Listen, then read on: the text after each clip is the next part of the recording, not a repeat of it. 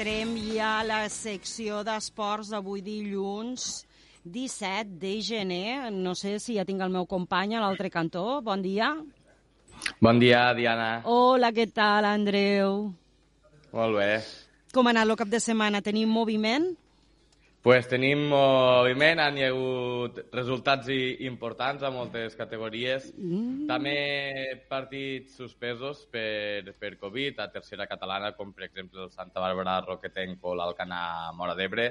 A segona es va suspendre l'emposta a Ampolla, també un altre partit suspès en aquest cas d'influència del, del Delta, va sí. ser el Sants Club de Futbol Terres de l'Ebre, de categoria juvenil femenina, i a la primera divisió de futbol sala tampoc va jugar la penya barcelonista els lligallos. Per tant, doncs, la, la Covid que malauradament Oi, sí, comença xiquet. també a fer, a fer mella a l'esport. Anem a veure, que la Covid està resultant cada dia, sempre ens ha de xafar el xiringuito, perquè és així, ja sigui en esport, ja sigui el que sigui, però què me destacaries d'aquest cap de setmana? Dis-me coses bones. Dit això, doncs mira, que l'Aldeana és més líder de la segona catalana, va guanyar 1 a 2 al camp del, del Tortosa, va començar millor l'Aldeana el partit, tot i això Joel Marigot va fer l'1 a 0 per al Tortosa a la segona part. La, els conjunt, el conjunt aldeà va remuntar i es situa ara en 30 punts, segon és el Tortosa sí. en 24. La nota negativa d'esta segona catalana, una nova derrota, en este cas del Camarles, que va perdre per 0-1 al seu camp contra el Mora a la Nova sí. i continua com a últim classificat en 12 punts. Això sí, té fins a dos partits menys que alguns dels, dels seus rivals. Què et volia dir? Eh, això en segona catalana. Tercera, què portem?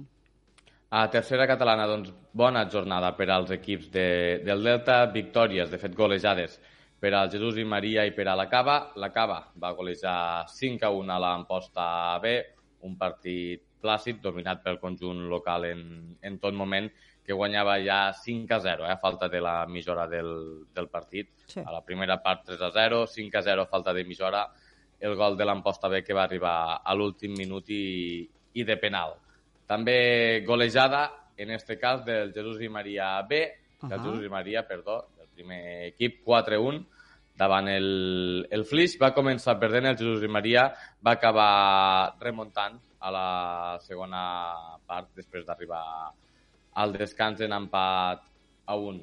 Va tornar a guanyar encara tercera catalana el líder, el Catalònia, 3 a 1 al Corbera, per tant, ara mateix, doncs, el Jesús Catalònia continua líder en 37 punts, segon el Gandesa en 30, tercer trobem la, la Cava en 27. Si el Catalònia no, no afluixa d'aquí al que queda de final de temporada, molt complicat eh, que el cap dels altres equips el pugui agafar Però per les... trobar Sí, idea, que no és que per trobar el Jesús i Maria hem d'anar fins a la sisena posició ja sí. en 24 punts.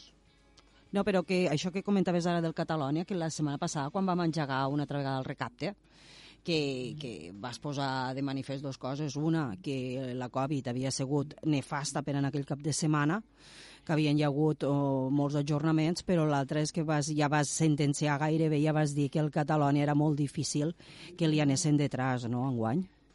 És que, de moment, els números, vull dir, així, així ho diuen, són 13 jornades, 12 partits guanyats, un empatat, l'equip que, gols, que més gols ha fet en 42 uh -huh. i el segon que menys n'ha que menys n'ha rebut en, en 12. Imagina't.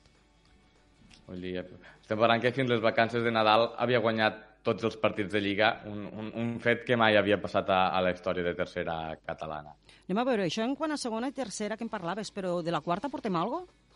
Doncs mira, de la quarta, nova derrota del Sant Jaume d'Enveja, que va ah. perdre 0-5. Vaja, si ho sé, no t'ho pregunto. El, el Xerta, eh, què més? També derrota del filial del Camarles, en este cas 1-0, al camp del líder, al camp del, del Mas d'Enverge, i victòria al derbi de filials entre la Cava B i el Jesús i Maria B per 2-0, favorable als Caveros.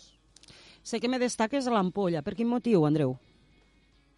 A l'ampolla de, de segona catalana, vols dir? Sí. Sí, havia destacat perquè el, el seu partit eh, s'ha ajornat, havia de jugar contra, contra l'Amposta, un partit im, important, en aquest cas perquè l'Amposta, que és sisè classificat en 17 punts, es juga pràcticament les seves últimes opcions de poder entrar entre els tres primers classificats i poder jugar a l'ascens. L'Ampolla fins a aquesta jornada era tercera en 21 punts, ara queda com a quarta en els mateixos punts en 21 perquè no ha jugat. Tercer és l'Ull de Cona en els mateixos 21, però, per exemple, l'Ampolla té 12 partits jugats, els mm. mateixos que la Sènia en, que en té 19, l'Amposta té 17 punts i 13 partits, però el Tortosa, que és segon, l'Ull de Cona, que és tercer, i l'Aldeana, que és primer, tots tres equips ja han jugat 14 partits. Per tant, aquesta classificació de segona catalana, fins que a poc a poc no es vagin jugant tots els partits que hi ha, que hi ha jornats, doncs no, l'hem d'agafar una mica, una mica en pinces perquè les coses encara poden canviar molt. Això sí, veurem quan se juguen tots aquests partits ajornats perquè no hi ha dates lliures fins el cap de setmana de, de Pasqua i als equips doncs, els, el sol costa, costa bastant poder jugar entre setmana doncs, perquè els falten jugadors que o bé estan estudiant fora o que bé estan treballant, per tant, veurem com s'acaba resolent tot. Andreu, veig que tenim declaracions de Javier García, entrenador. Sí, en este cas és l'entrenador de, de l'handbol Ampolla. Este cap de setmana vam anar, vam anar a veure el seu partit. Un handbol Ampolla que és la primera temporada que competeix, equip nou que s'ha fet eh, aquest any. Temporada increïble.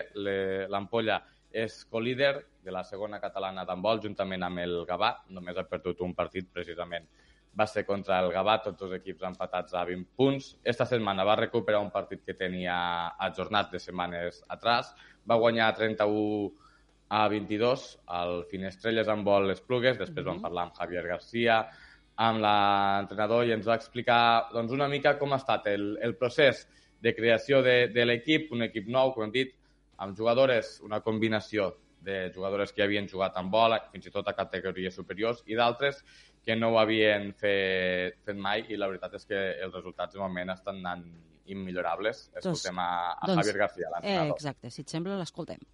Bueno, la verdad es que empezamos la temporada con un equipo joven, con un equipo con jugadoras con experiencia y con un grupo de jugadoras que no habían jugado nunca al balonmano. Eso en un primer momento asusta un poquito porque hace que haya una, gran diferencia entre las jugadoras pero al final la verdad es que tenemos un bloque muy competitivo, son jugadoras muy disciplinadas, tanto las nuevas como las veteranas, y la verdad es que es un placer, ha sido un placer entrenarlas. Parlava d'un plaer entrenar-les. Com, com hem dit, eh, l'Embol Ampolla és eh, co-líder d'esta segona catalana sènior femenina i això suposa doncs, que els resultats, molt bons resultats, hagin portat a, a l'equip fins i tot a poder pensar en, una, en un ascens, tal com diu Javier García, doncs, que, no, que no descarta i fins i tot diu que és molt probable que en esta primera temporada l'equip acabi pujant de categoria, perquè suposaria doncs, un èxit rotund, diria jo, un equip fet des de zero que aconsegueix que l'ascens a la primera temporada que, I en, po en que tan competeix. poc temps. Disculpa? I en tan poc temps. Correcte, en tan poc temps, a més, una ciutat on mai havia hagut un equip d'handbol.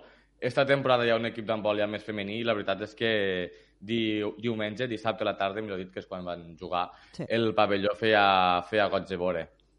Això està molt bé, no? Tenim unes declaracions també del Javier, l'escoltem? Sí, escoltem-lo. Somos un equipo realmente nuevo. En esta población, en La Ampolla, es la primera vez que existe un equipo de balonmano y más femenino. Eh, entonces, bueno, se, se, inicia una experiencia sin un objetivo, simplemente el objetivo de disfrutar de un deporte que es increíble, que la gente se enganche a este deporte, que el pueblo se enganche a este deporte y no se plantea un objetivo. Evidentemente, a medida que vas avanzando la temporada, vas viendo los resultados, vas viendo el bloque que tú tienes, pues, pues bueno, los objetivos van subiendo poquito a poquito, ¿no? Eh, objetivo final, estamos en ello. Es decir, es muy probable que se acabe subiendo porque el equipo está, está bien montado, tiene buena estructura y tiene, tiene plantilla para, para subir. Estamos en ello, m'ha fet molta gràcia. Estava en directe i tenia el micro punxat, però és que m'ha fet molta gràcia lo de estamos en ello.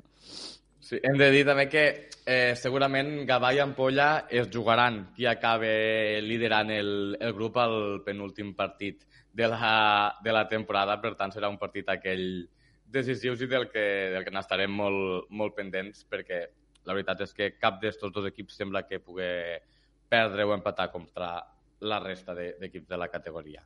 I abans que s'acabi el programa i la secció d'esports d'avui dilluns, Andreu, fes més 5 cèntims del futbol base juvenil, per fa.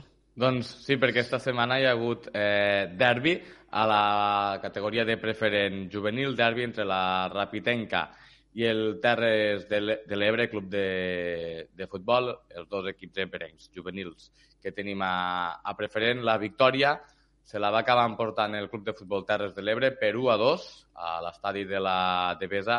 És tot just el tercer partit que, que guanya el Club de Futbol Terres de l'Ebre en el seu primer any preferent, que continuarà, això sí, com a últim classificat, ara en 11 punts, els mateixos que precisament té la Rapitenca, que és penúltima, en, també en 11, tot i que té un partit més. Això sí, tots dos equips eh, estan encara prop de les posicions de, de salvació perquè, per exemple, entre el desè classificat, que és el Cambrils, i l'últim, i el penúltim, hi ha només 3 punts de, de diferència.